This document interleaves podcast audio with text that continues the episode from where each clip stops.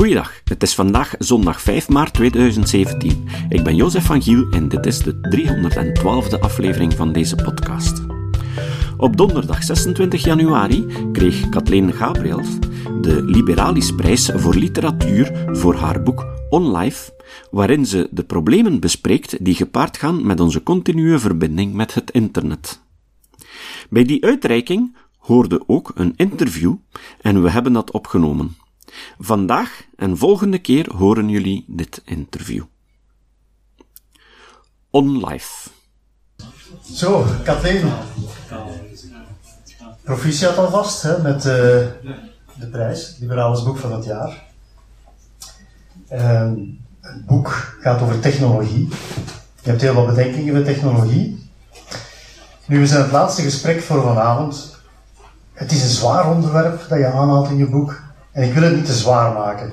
Dus ik ga gewoon één ambetante vraag stellen en daarna gaan we het luchtig houden. Goed?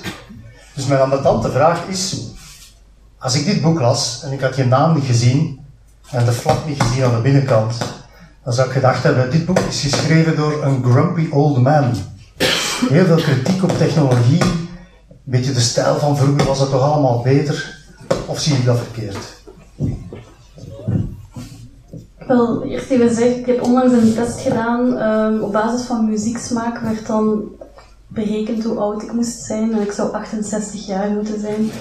Op basis van mijn muzieksmaak. Um, ik denk dat je dat verkeerd ziet, omdat ik ook nergens spreek over de technologie. Ik haal um, ook meteen in het begin die definitie aan. Wat is technologie? technologie is ook de micro die ik vasthoud, de kleren die ik aan heb. En ik ben absoluut niet tegen technologie. Ik, uh, ik zeg ook nergens dat we terug moeten gaan naar een pre-internet tijdperk.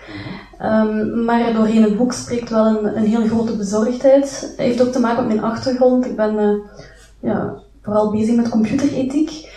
Um, en het is natuurlijk geen opsomming met wat er allemaal goed loopt, want ik ga ervan uit dat wat er goed loopt, dat je dat niet moet aanstippen. Maar het is inderdaad wel zo dat ik in elk hoofdstuk een ander probleem toelicht. Het zij over de werkvloer, het zij over gezondheid. Um, en dat we ook heel veel redenen hebben om bezorgd te zijn.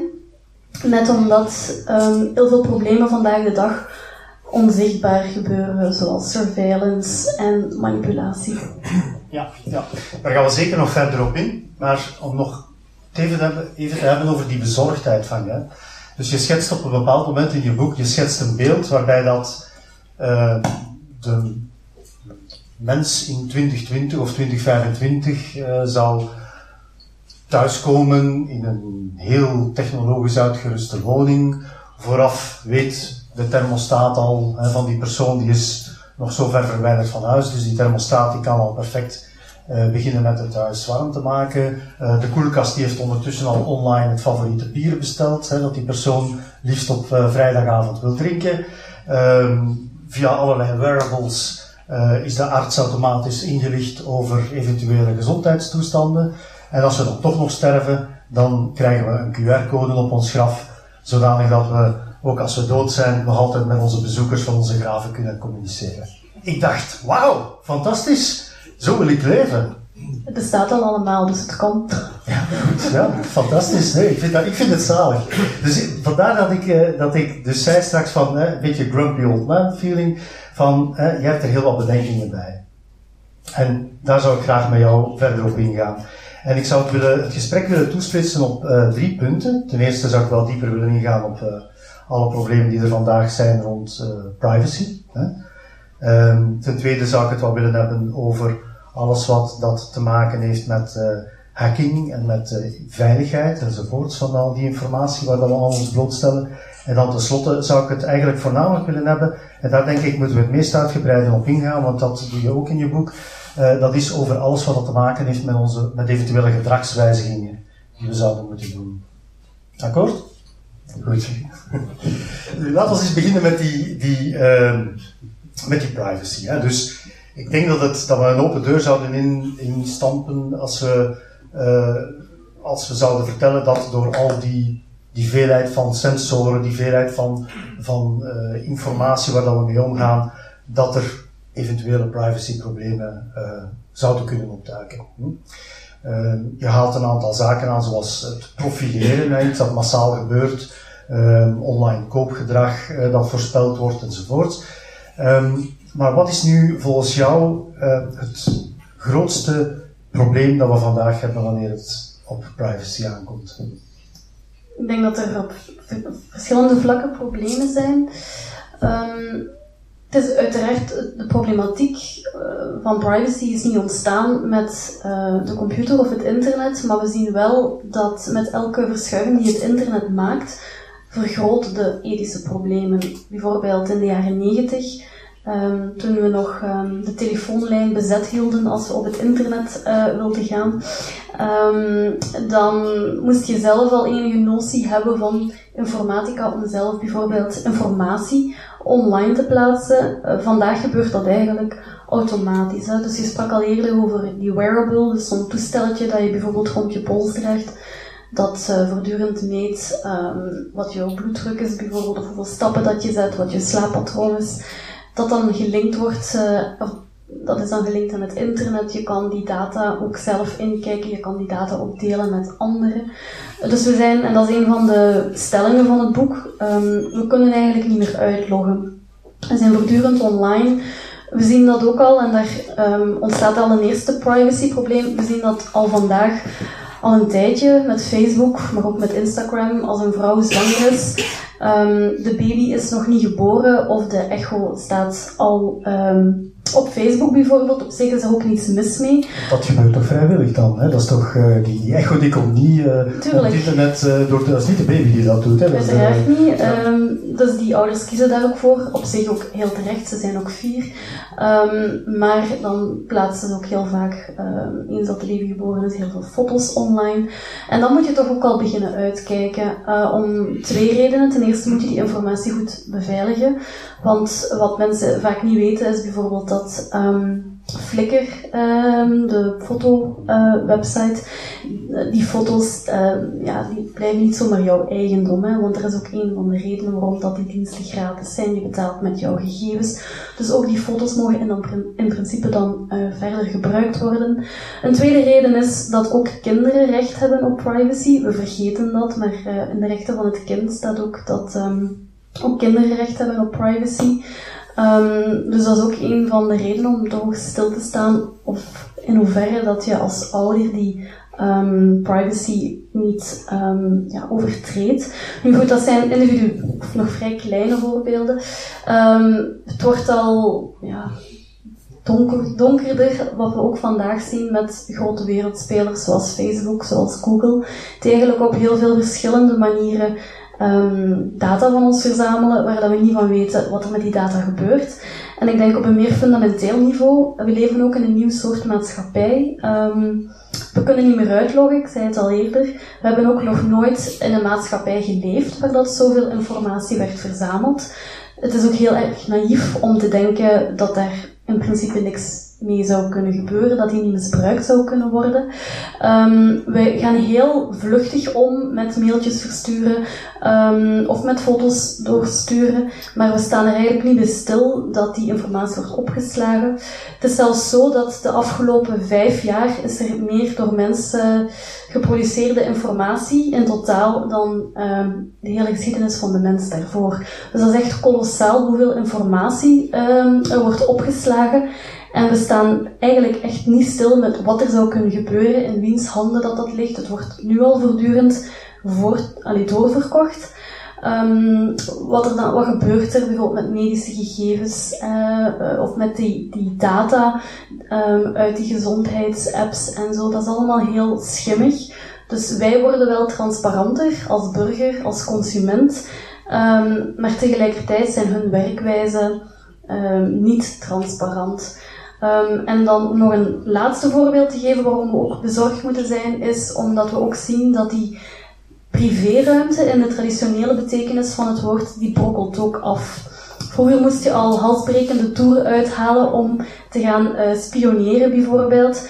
Uh, nu kan je heel gemakkelijk, bijvoorbeeld One Top Spy is maar een van de vele uh, uh, apps die beschikbaar zijn, die je kan installeren bijvoorbeeld op de smartphone van je partner. Je partner weet dat niet, dat die, smart, eh, dat die app geïnstalleerd is. En die gaat vrij ver, dus die houdt niet alleen GPS-locatie bij, ehm, maar die houdt ook uh, de sms-berichten, ook de gewiste uh, WhatsApp-informatie, Skype-gesprekken, surfgeschiedenis enzovoort. En voor 30 dollar per maand of zo kan je die eigenlijk gewoon gebruiken. Ja, ja. En dat gaat ons zeker tot het, het laatste punt van vanavond brengen, wanneer we het hebben over gedrag en ethiek en dergelijke.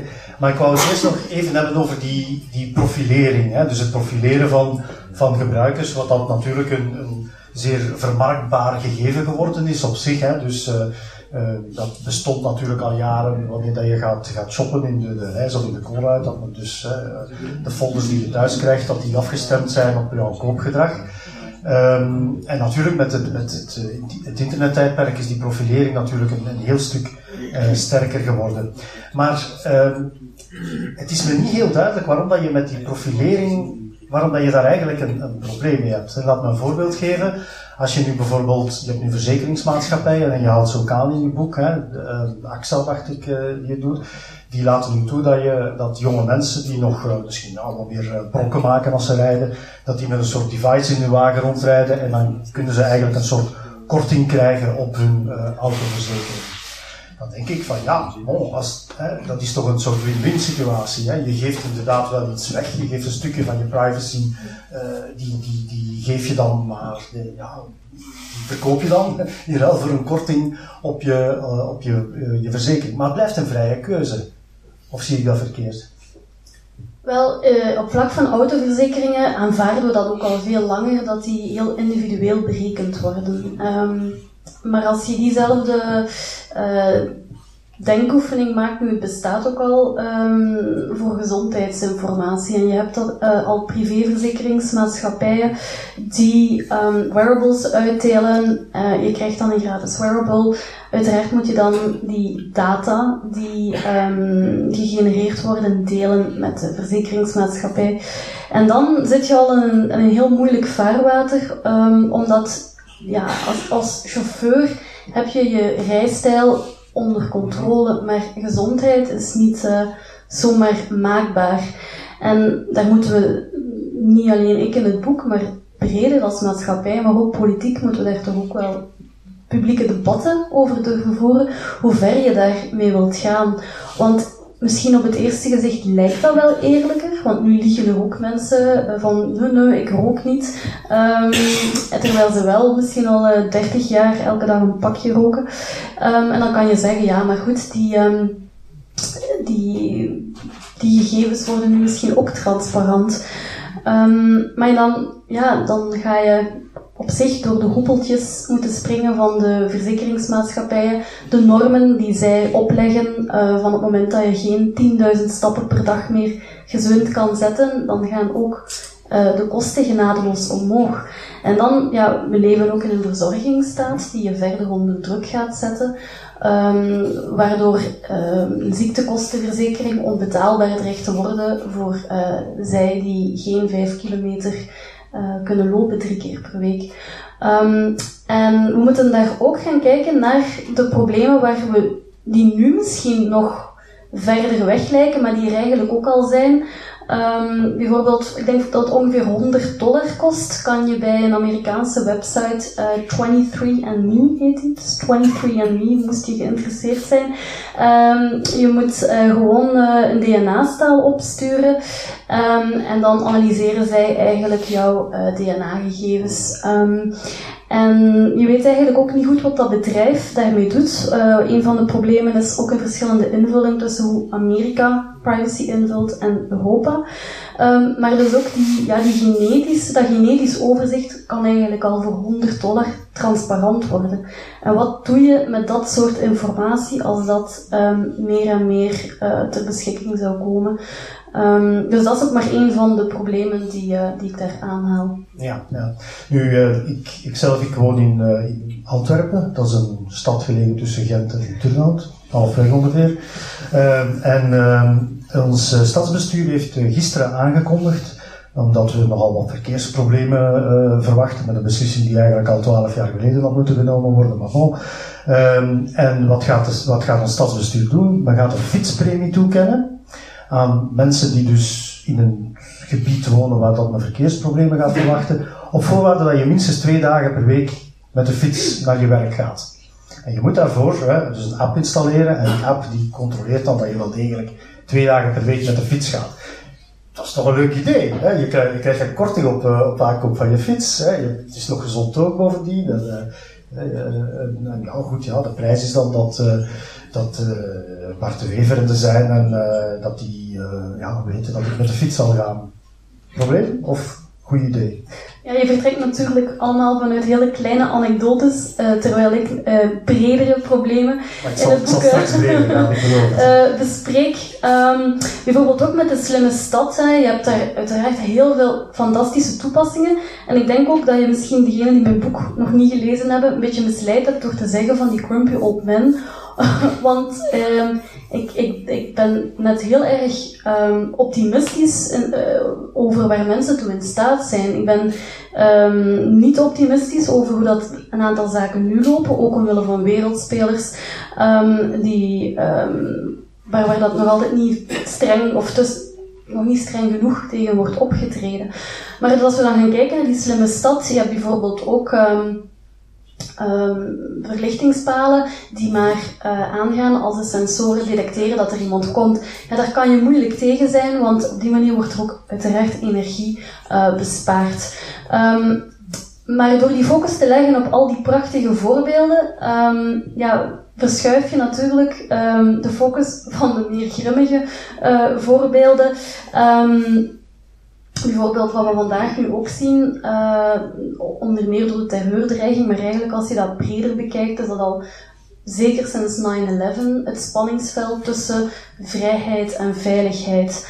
Um, dat steeds meer onder druk komt te staan. En het is nu, als, als je politiek wilt scoren, dan um, denk ik dat je best zegt van ja, we gaan, we gaan meer data verzamelen, we gaan, um, we gaan, want hoe meer we weten, uh, en als we al die data maar verzamelen, dan zal de waarheid wel vanzelf uh, verschijnen.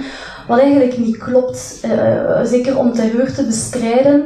Um, terreurexperts en data-experts zijn het er ook voor een groot stuk over eens door meer data te verzamelen ga je wel die hooiberg heel groot en nog groter maken, maar je gaat niet per se um, die speld vinden, net omdat um, ja, je gaat verzuipen in die datastromen. Dus ik vind dat er dan altijd ook uh, een, een, kritische stem moet zijn, een tegenbeweging die zegt niet te snel. Uh, we moeten zien dat we niet uh, meer kwaad dan goed doen op lange termijn. Omdat een ander probleem natuurlijk ook is Um, je het net al aan, dat, dat gratis gebruik, dat is natuurlijk, we worden heel erg um, ja, uh, verleid door dingen die we gratis krijgen. Facebook is ook een gratis dienst, uh, Google is een gratis dienst, maar ook bijvoorbeeld uh, kortingen in de winkel in ruil voor je mailadres of in ruil om privégegevens te geven. En we zijn daar heel gevoelig aan. We zijn ongelooflijk gevoelig aan een kortingsje hier of eens iets gratis te krijgen. Dat is ook heel interessant. Het is een, een grote Nederlandse supermarktketen. Een aantal jaar geleden wilde de digitale klantenkaart invoeren, maar er was op zich niet heel veel interesse voor. Tot ze daar op het lumineuze idee kwamen om daar een gratis staart bij te geven. Dus, uh, um, Nederlanders toch? Uh, bij, um, ze kregen een gratis, staart, uh, gratis staart als ze die klantenkaart namen. En ineens waren ze wel geïnteresseerd in die digitale klantenkaart.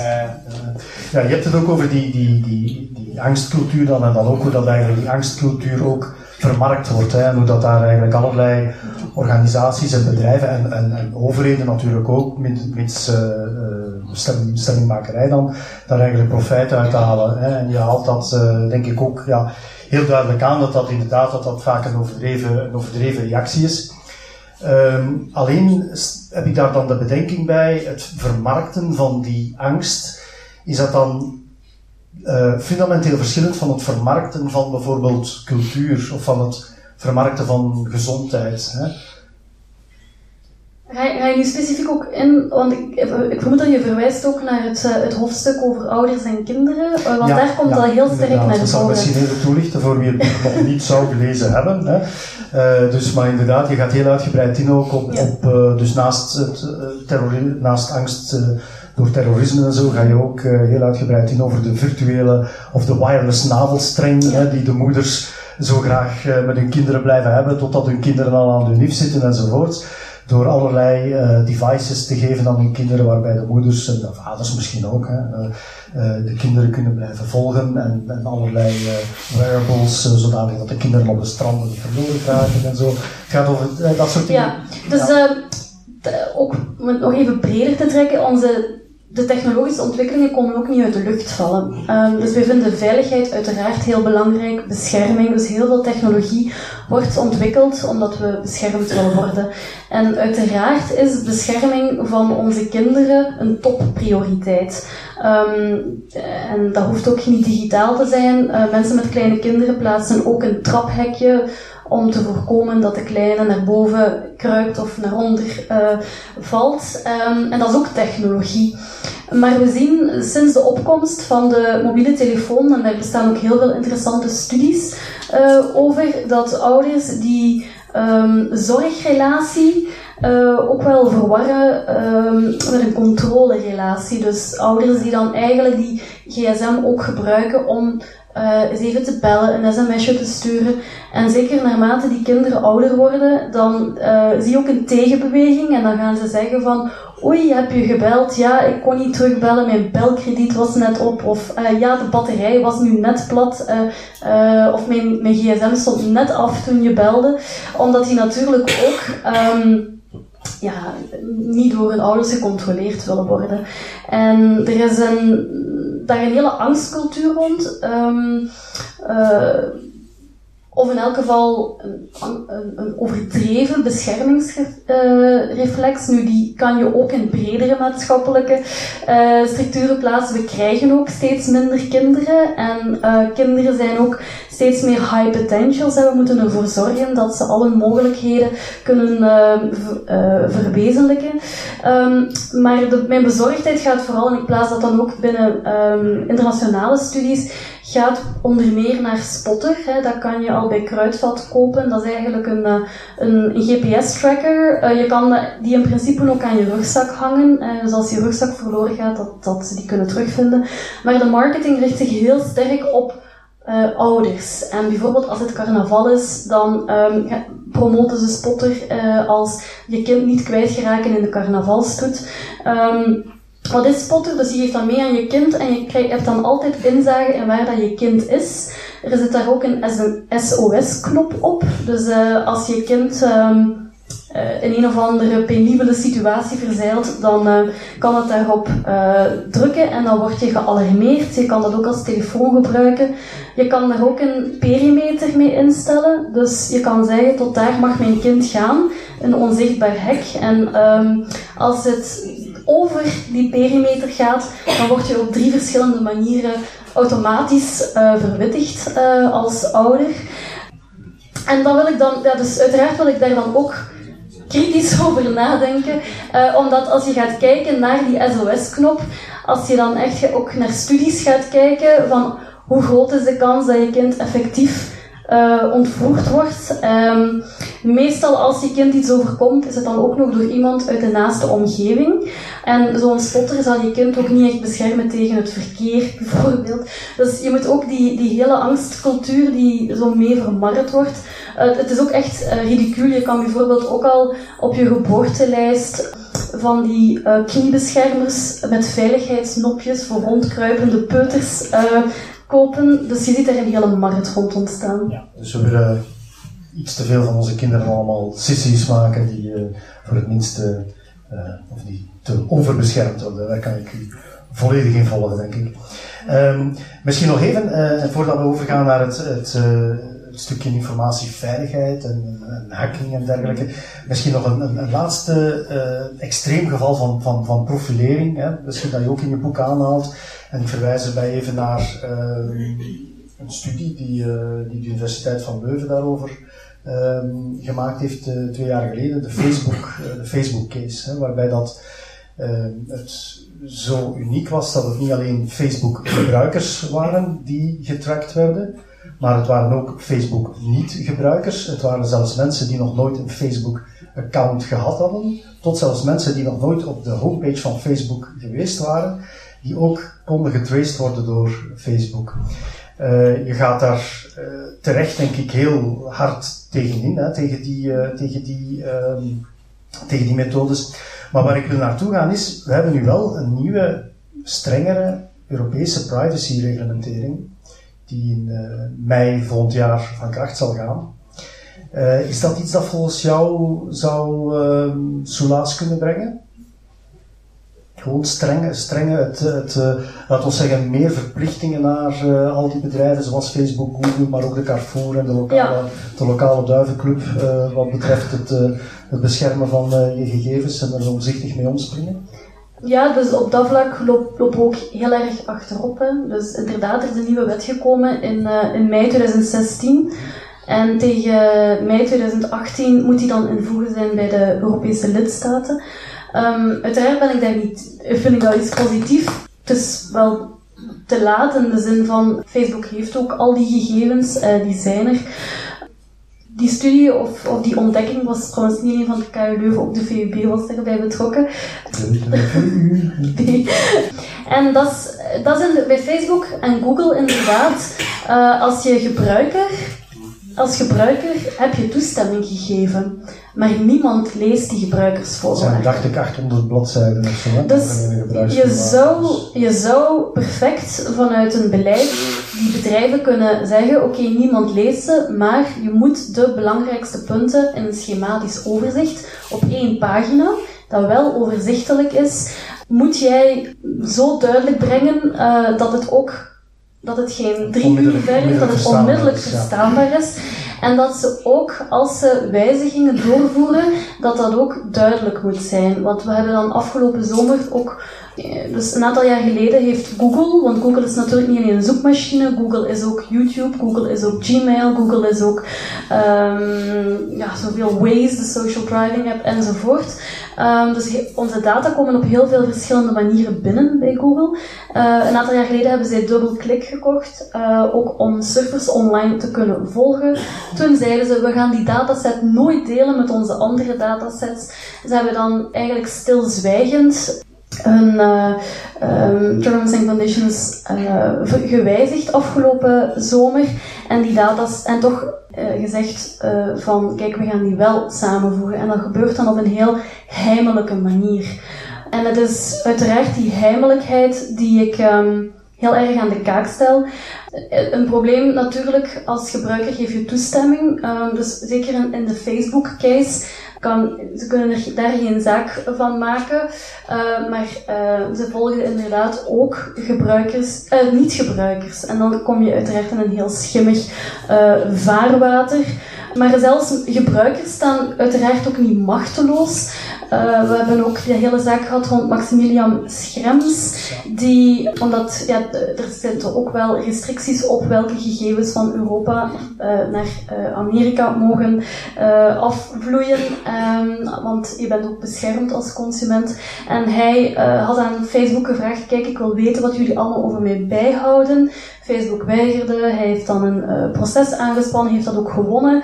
En toen bleek dat om meer dan 1200 pagina's te gaan, ook gedelete informatie werd toch uh, bijgehouden. Ja, ik, ik, dacht dat zelfs de informatie bijgehouden werd als je in Facebook iets begint te typen, een reactie, mm -hmm. en je delete ze dan, ja, voordat je ze gepost hebt, zelfs ja. dat wordt bijgehouden op Facebook. Dus dat inderdaad zeer ja. Volgende keer horen jullie wat Kathleen te zeggen heeft over informatiebeveiliging. Het citaat. Het citaat van vandaag komt van Morgan Housel. Housel is een gewezen columnist van onder andere The Wall Street Journal. In een Twitterbericht, we moeten toch mee zijn met de president van Amerika, hè, schreef Housel: Lach nooit met mensen die een woord verkeerd uitspreken. Het betekent dat ze leren door te lezen. Tot de volgende keer.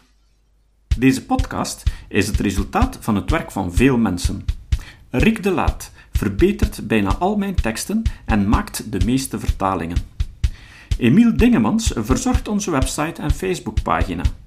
Ook Leon Korteweg en Stefan Sutens schrijven, vertalen of verbeteren soms artikelen. Leon onderhoudt bovendien het YouTube-kanaal van deze podcast. De muziek van de intro en de trailer heeft Nick Lucassen geschreven En soms maken we ook gebruik van muziek van Ad van Nederpelt, die ons zijn prachtige composities ter beschikking stelt. Dit was de podcast Kritisch Denken. Vergeet niet om alles kritisch te behandelen, ook deze podcast. Voor verdere informatie over deze podcast, links en voor de tekst, surf naar www.kritischdenken.info.